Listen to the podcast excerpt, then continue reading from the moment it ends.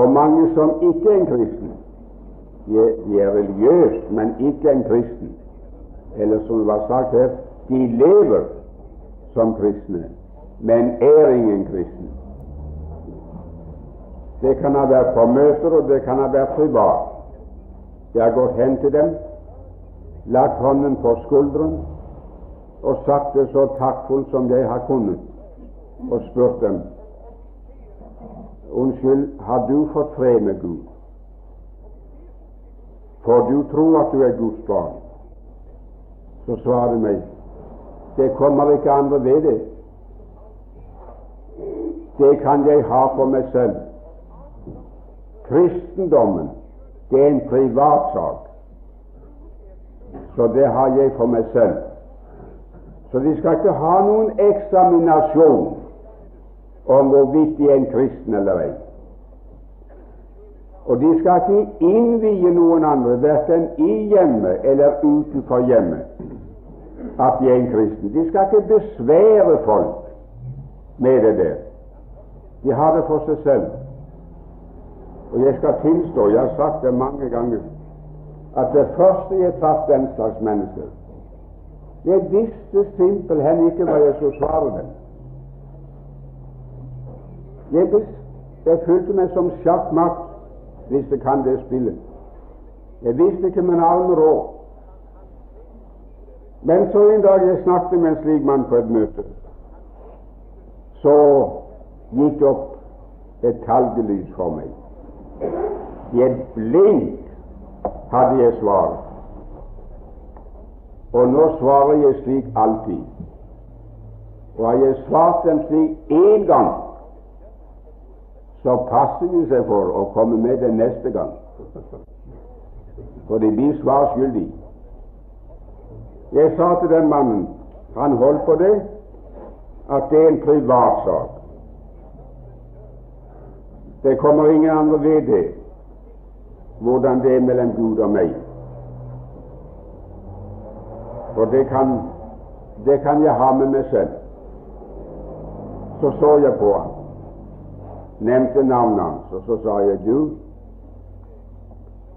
jeg vet ikke om du er klar over det, men dette tror jeg er det sanneste som du ennå har sagt her i verden.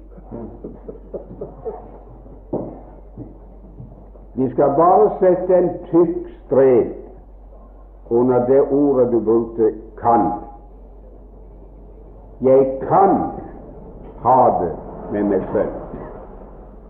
For du har ikke mer.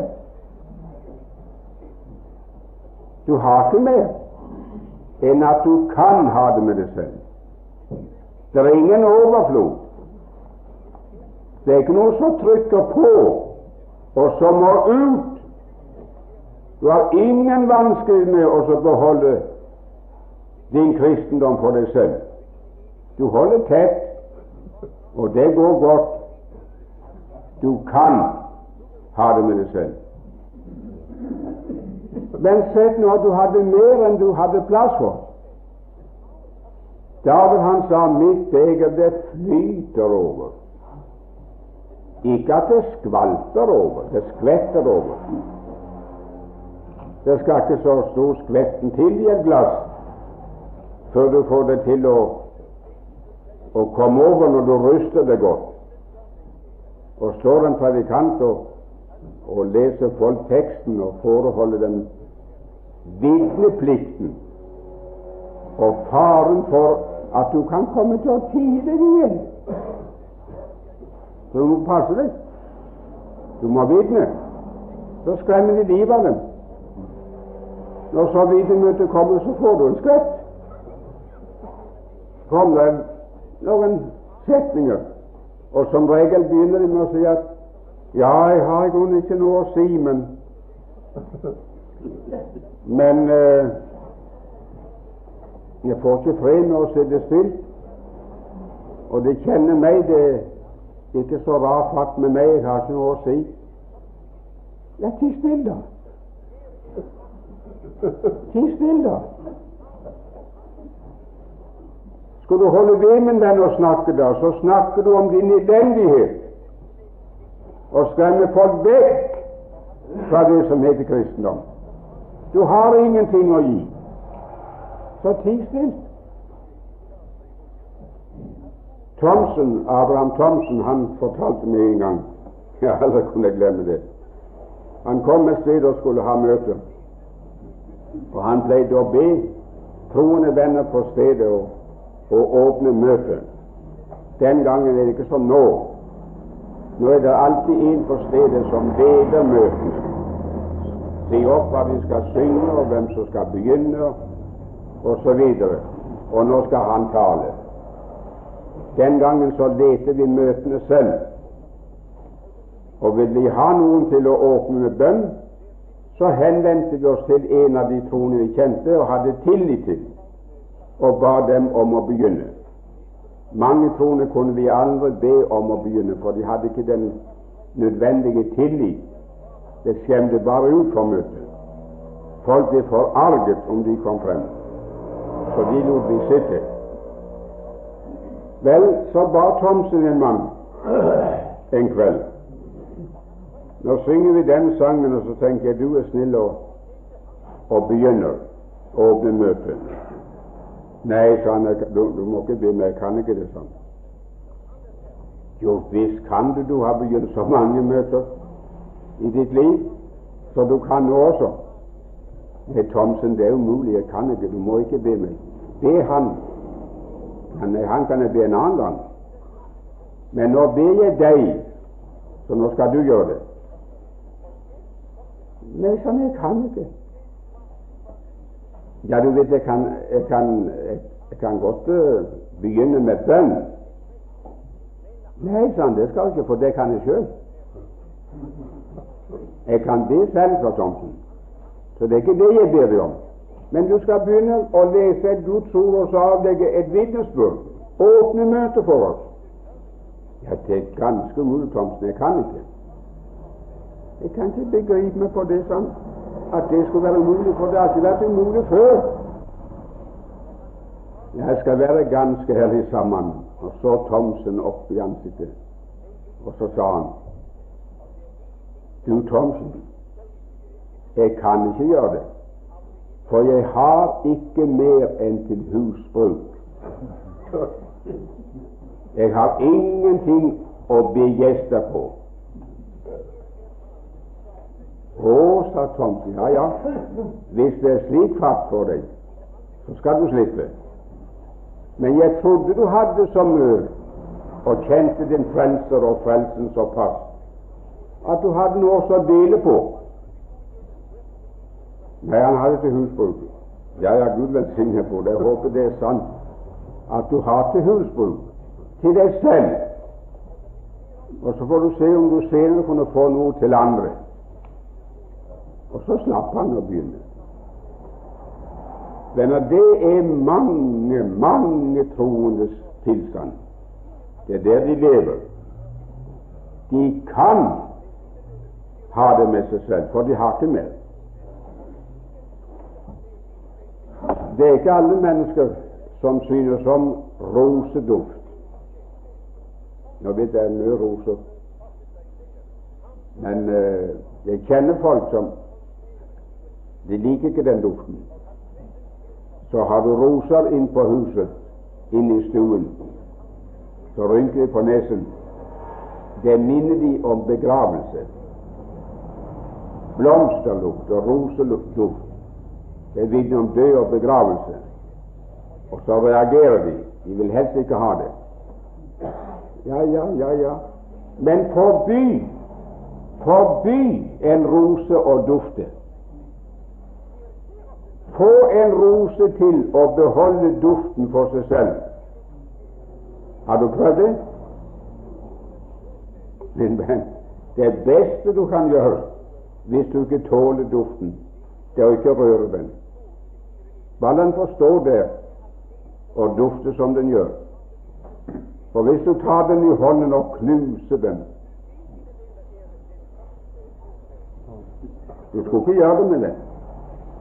For duften går i selve fingrene, i huden din. Og den dufter mer enn når den sto stille. Om du legger den på gulvet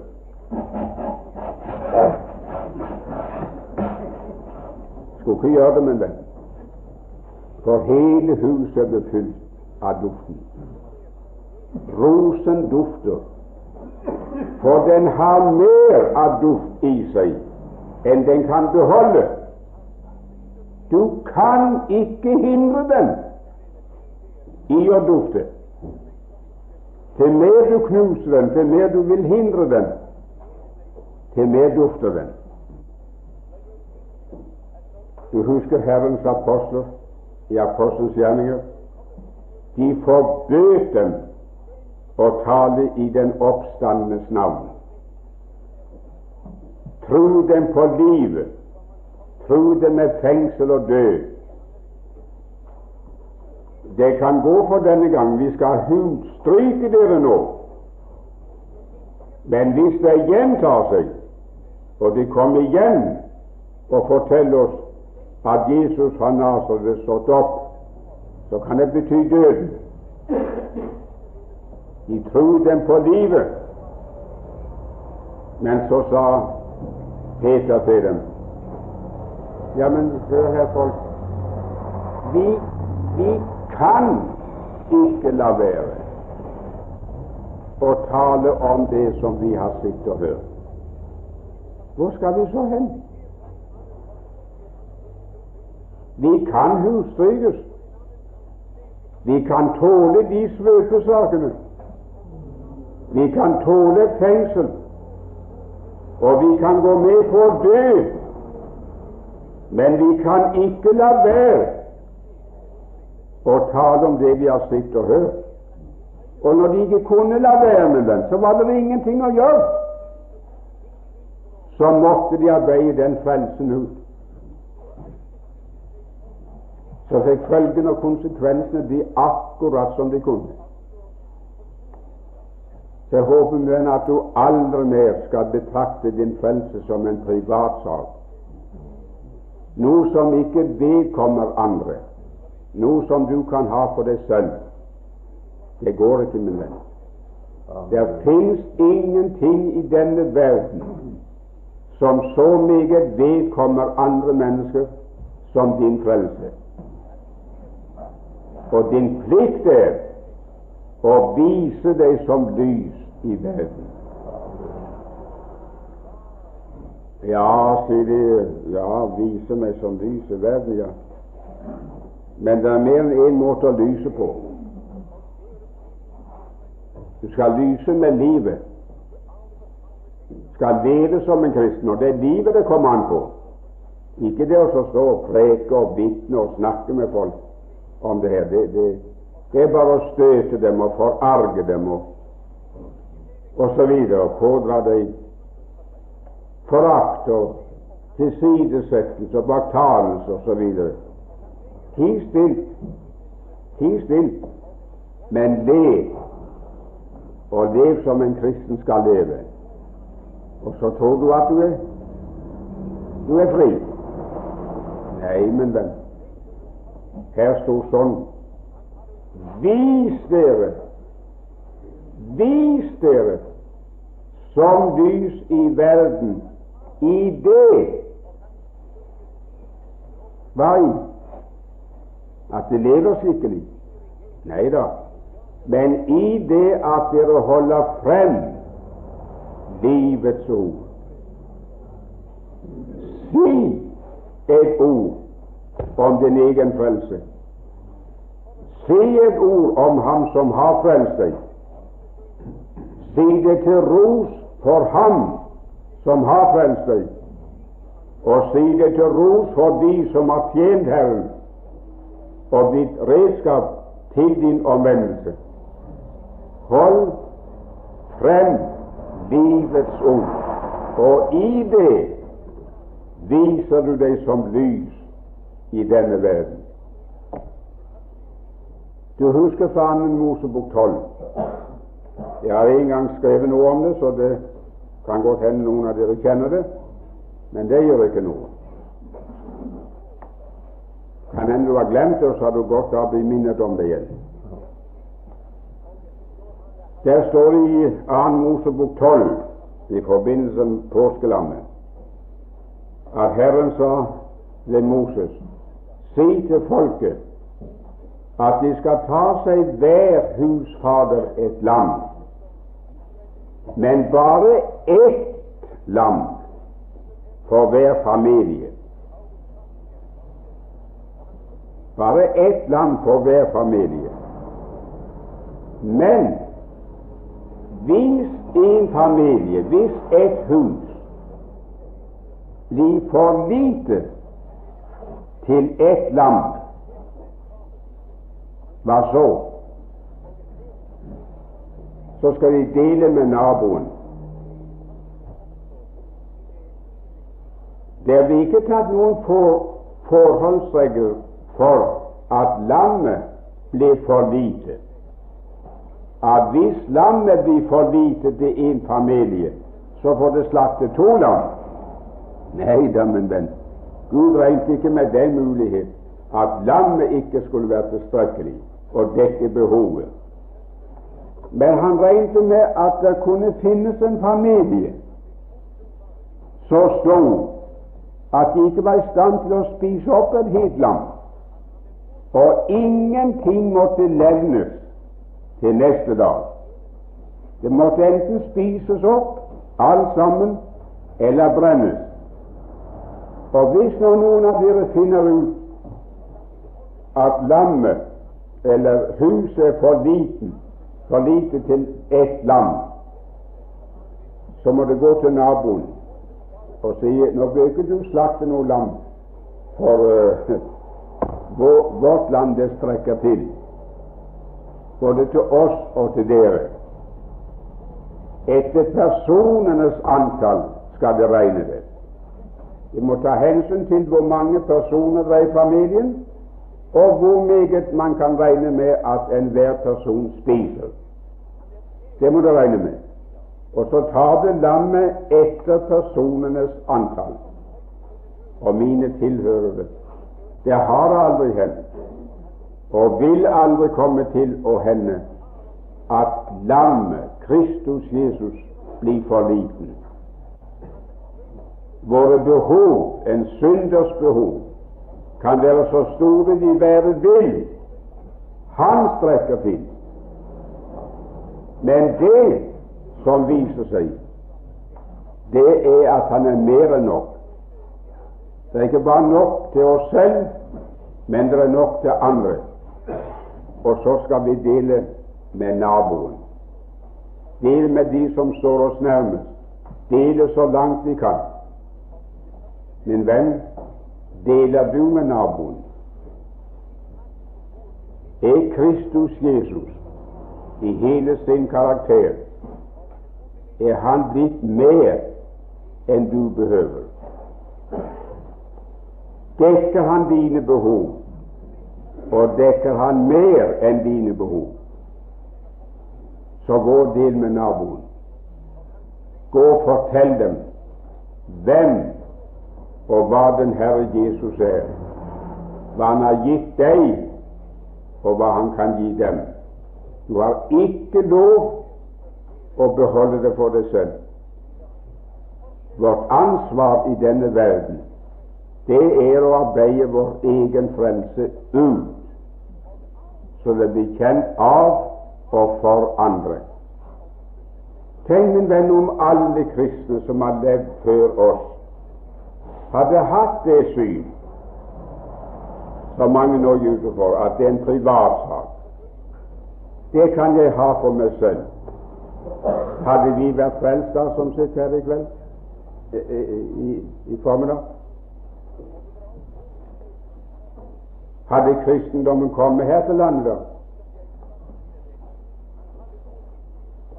Tenk om Hans Nilsen Hauge hadde fått det syn på saken at dette som jeg opplevde her på åkeren, det kan jeg låse ned i en hermetikkboks.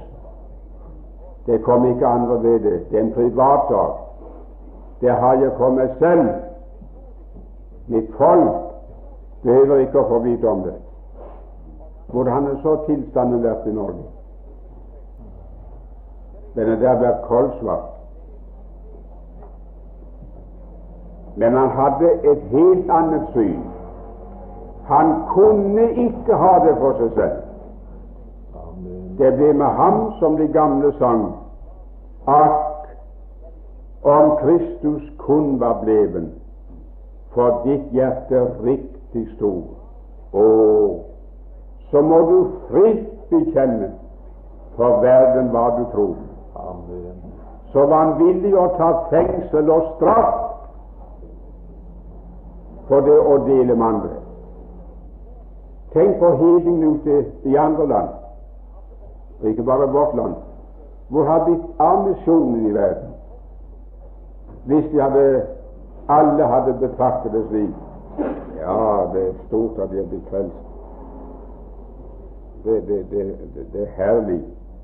Men uh, det kan jeg ha for meg selv. Det kommer ingen andre ved det. Ikke behøver jeg si et ord om det hjemme i familien, og ikke et ord til naboene. Ikke å snakke om å reise ut av landet og forlate hus og hjem og far og mor og alle bekvemmeligheter her, og så ut til hedningene. Det kan jeg ha for meg selv. Sitte og nyte det så godt jeg kan selv. Venner, hvor har det blitt av misjonen nå? Kan ikke med alminnelig vet og forstand innse at vi har ikke lov å beholde det for oss selv. Vår egen frelse skal arbeides ut, så den kommer andre til gode. Den skal ikke arbeides på og arbeides ut for at vi selv skal bli frelst. Nei, vi er frelst. Frelsen er blitt vår egen frelse. Men vi skal ikke ha den for oss selv. Vi skal bare arbeide den ut til andre.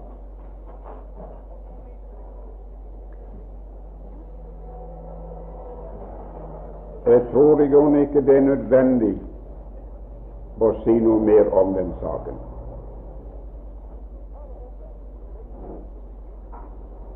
Det kunne jo vært sagt en hel del om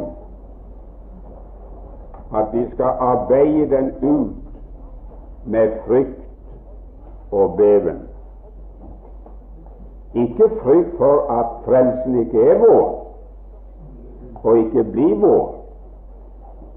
Men mine tilhørere, det er så uendelig mange andre ting å frykte for når det gjelder den gjerningen og det arbeidet, og arbeide den ut. Så vi har all grunn til å frykte og beve. At vi ikke gjør det på en slik måte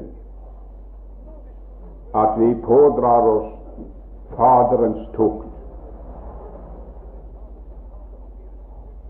Vi kan bli så egoistisk og så selvisk og så uren i vår ferd og vår tjeneste at Gud må dømme og tukte oss.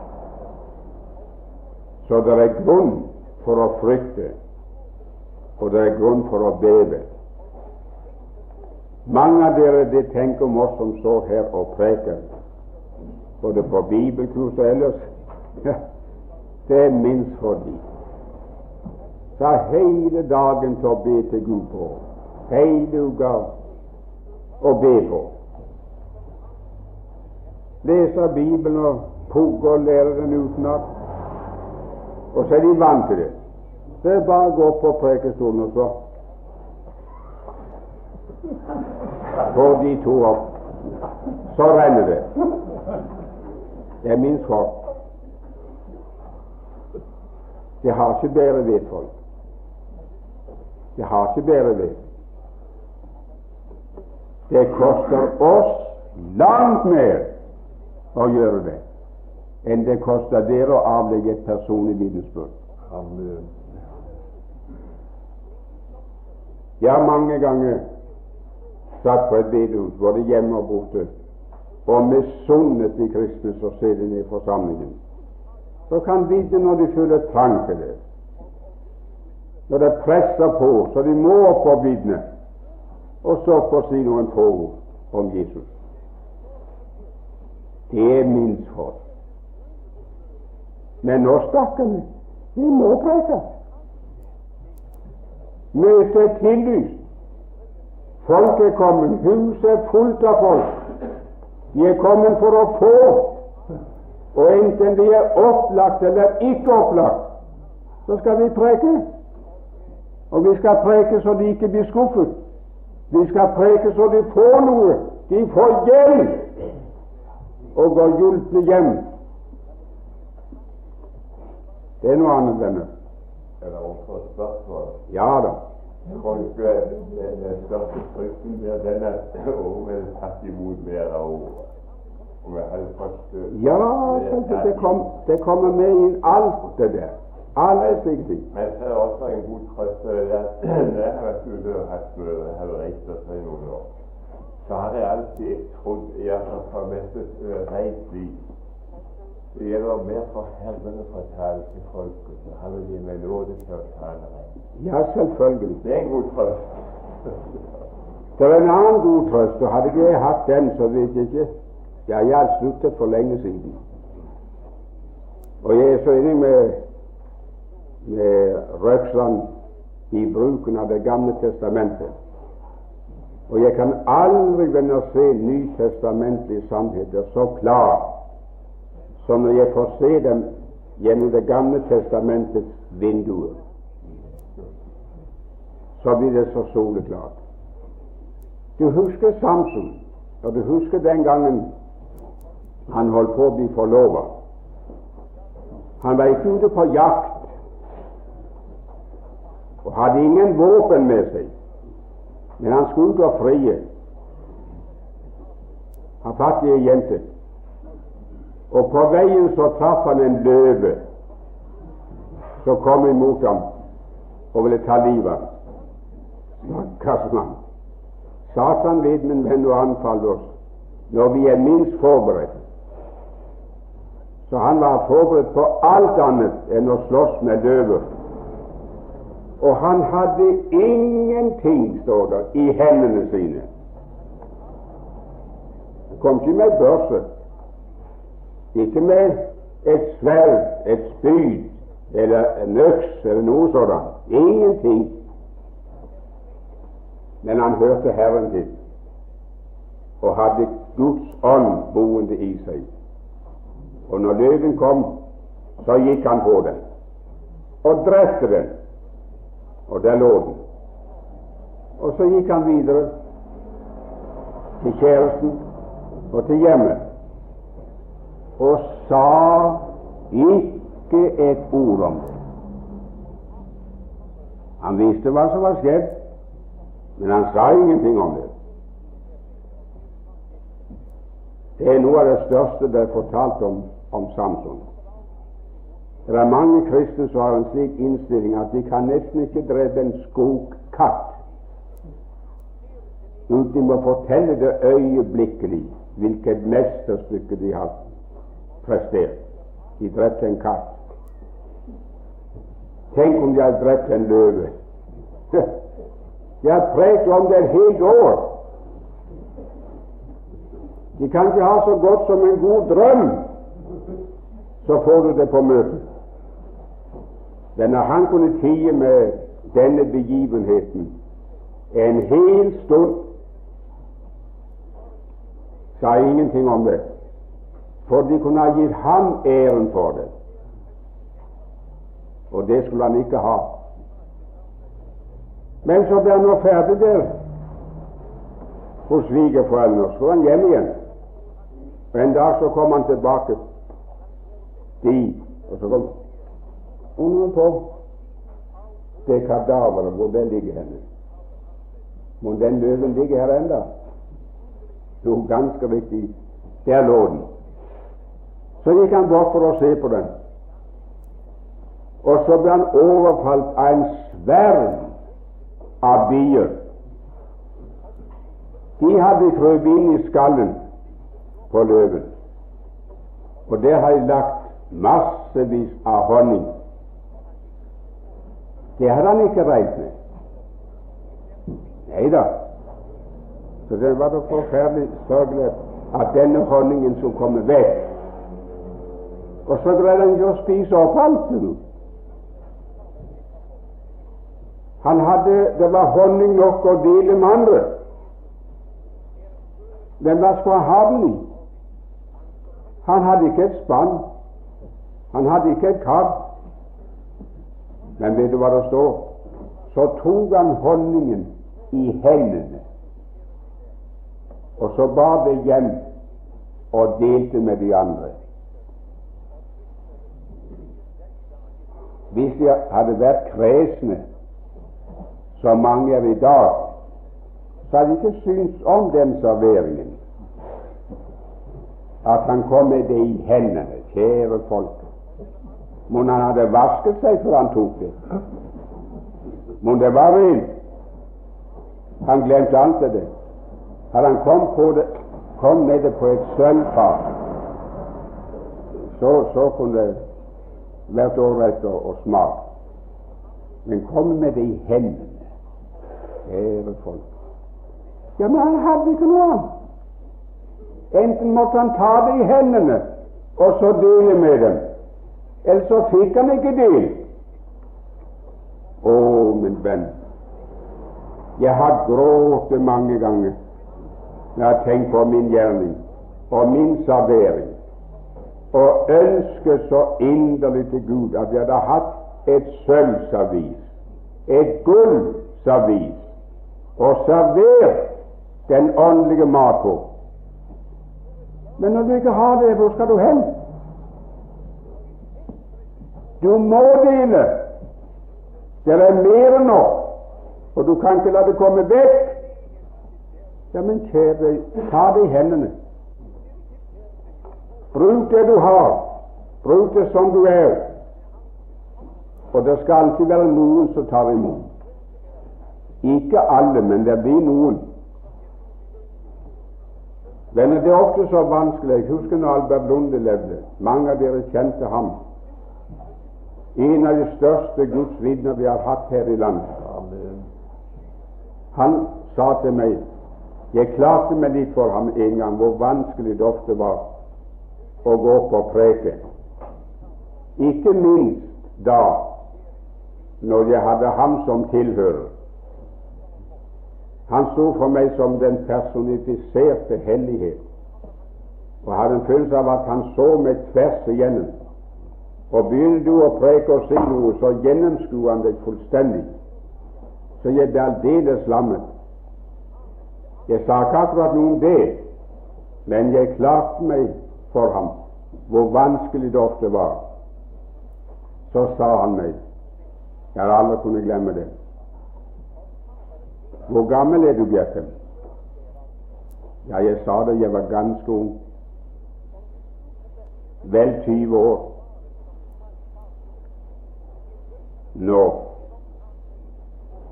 Og jeg er så og så gammel. Og nå har jeg preket i så og så mange år. Og jeg hadde hørt ham og kjente ham som predikant. Og så sa han Vet du hva, Bjerken? Det koster meg så meget å gå opp på prekestolen og preke når jeg ser bedehuset og kirken full, og vet å, alle disse er kommet for å få noe. De skal ha hjelp. Vil de få noen hjelp ved det jeg sier?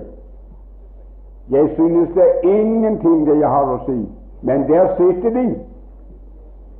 Og mange har sagt til meg før jeg skal opp og preke Tenker det folk på møtet her i kveld som vi aldri har sett på bedehuset før, men nå er de her.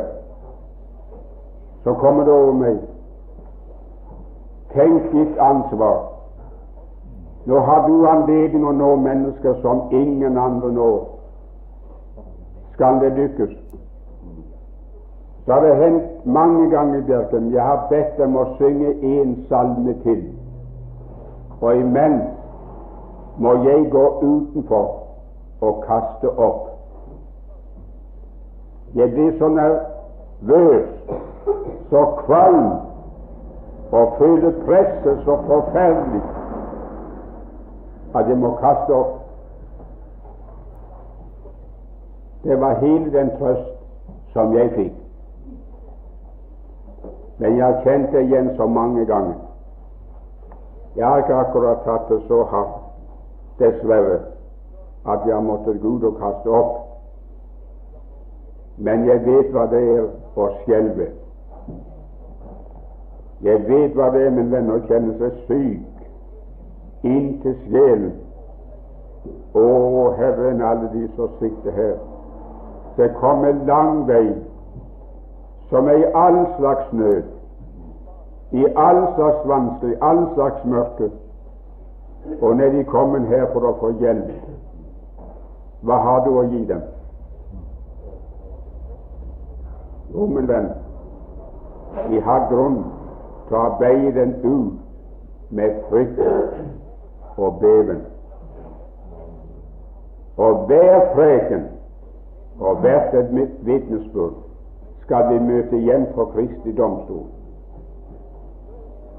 Og da skal Herren uttale seg om hva det var verdt.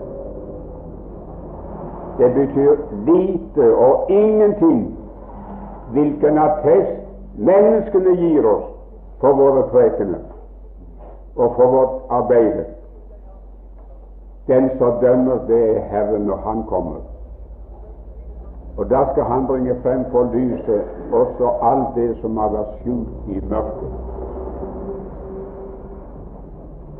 Så venner, denne Nå sier jeg ammen øyeblikk, men jeg er ikke ferdig når jeg har sagt ammen. Den prekenen som jeg nå har holdt, skal jeg møte igjen for Kristi domstol. Undres på hva Han vil si om den. Hvordan vil Han bedømme den? Det er det avgjørende. Jeg har bare den trøst når der står det, det er et merkverdig ord. Du har sikkert lagt merke til det, du, Røksson. Da når Han bringer alt frem for lyset, da skal noen få sin lønn av Herren. Ikke sant? Er det riktig? Ja, du skulle ikke hatt lov å si dette. Nei, venner, det står ikke så. Det står ikke så, men det står da skal enhver få sin lønn av Herren. Det skal vise seg der ved Kristi domstol. Det var ikke forgjeves å tjene ham i verden og dele med naboen. Enhver, også jeg kryper. Hvor mye det blir, det har jeg ingen idé om. Jeg vet bare han. Men enhver er enhver, og så skal også jeg få min lønn av Herren. Så får dere bedømme disse timene som dere kan. Jeg får brevet når jeg kommer hjem, hvor de har formant meg. De har satt og hørt på meg, og så formant meg at de ber for meg hver dag og ber om at jeg må omvende meg, så jeg ikke går fortapt. Tenk at du kunne stå med så herlige sannheter, og så bare bruke forstanden og ikke ånden. Tenk den velsignelse og den kraft som var over deg før, og slik som det nå er tatt med deg. Du må tenke deg om og vende om før du dør. Slik kan mennesker bedømme det. Slike brev får jeg iblant. Som regel går de i kakkelovnene når det ikke står navn under, så går det i om. Så hvis du vil meg noe noen gang, så sett navn under. Så blir det lest, men ikke ellers. Men en gang så kom jeg til å, å lese det før jeg hadde sett om det sto navn under. Og så var det et sånt brev. Jeg har talt nede i Kristiansand, på bedehuset om den forlorne sønn, hva han fikk da han kom hjem. Og så var det en som skrev så inderlig og velment at nå måtte jeg vogne og tenke meg om, og vende om før det ble for sent. For nå hadde Guds ånd forlatt meg, og alt var galt. Det var bare forstanden. Det var ingen ånd og intet liv ved det hele. Ja, ja, jeg tok det ikke så hardt, for jeg var blitt klar over hva Paulus skriver der i, i Korintiabrevet. Døm ingenting før tiden, før Herren kommer. Han som skal bringe alt frem for lyset, også det som var skjult i mørket. Og da skal en være for sin lønn av Herren. Så tenker jeg med en gang jeg Stakkar, hun der Skriften vitnet om det var en dame. Hun, der, hun dømmer det før tiden. Og det er ikke hun som skal bedømme det. Jeg er nødt til å vente inntil Herren kommer. Så skal jeg høre Hans kjennelse. Så brevet gjorde meg ingenting, og jeg visste ingenting med meg selv som var galt. Nå vel. Så kom jeg til Kristiansand igjen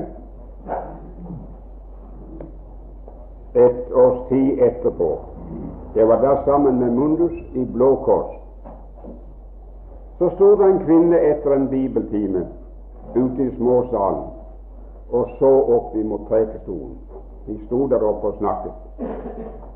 Så tenkte jeg det er en av oss hun vil snakke med. Jeg tenkte helst det var Mundus. Så var jeg på vei, tenkte nå skal jeg gå nedover, så får jeg se. Hvis det er meg, så kommer hun bort. Og hvis ikke, så venter til han kommer. Og ganske riktig så kom hun. Rakte frem hånden og ba om unnskyldning for at hun kom og, og snakket til meg på den måten. Men får jeg lov å takke for sist? Takke for sist? Ja, det må De unnskylde, for jeg kan ikke huske når sist var.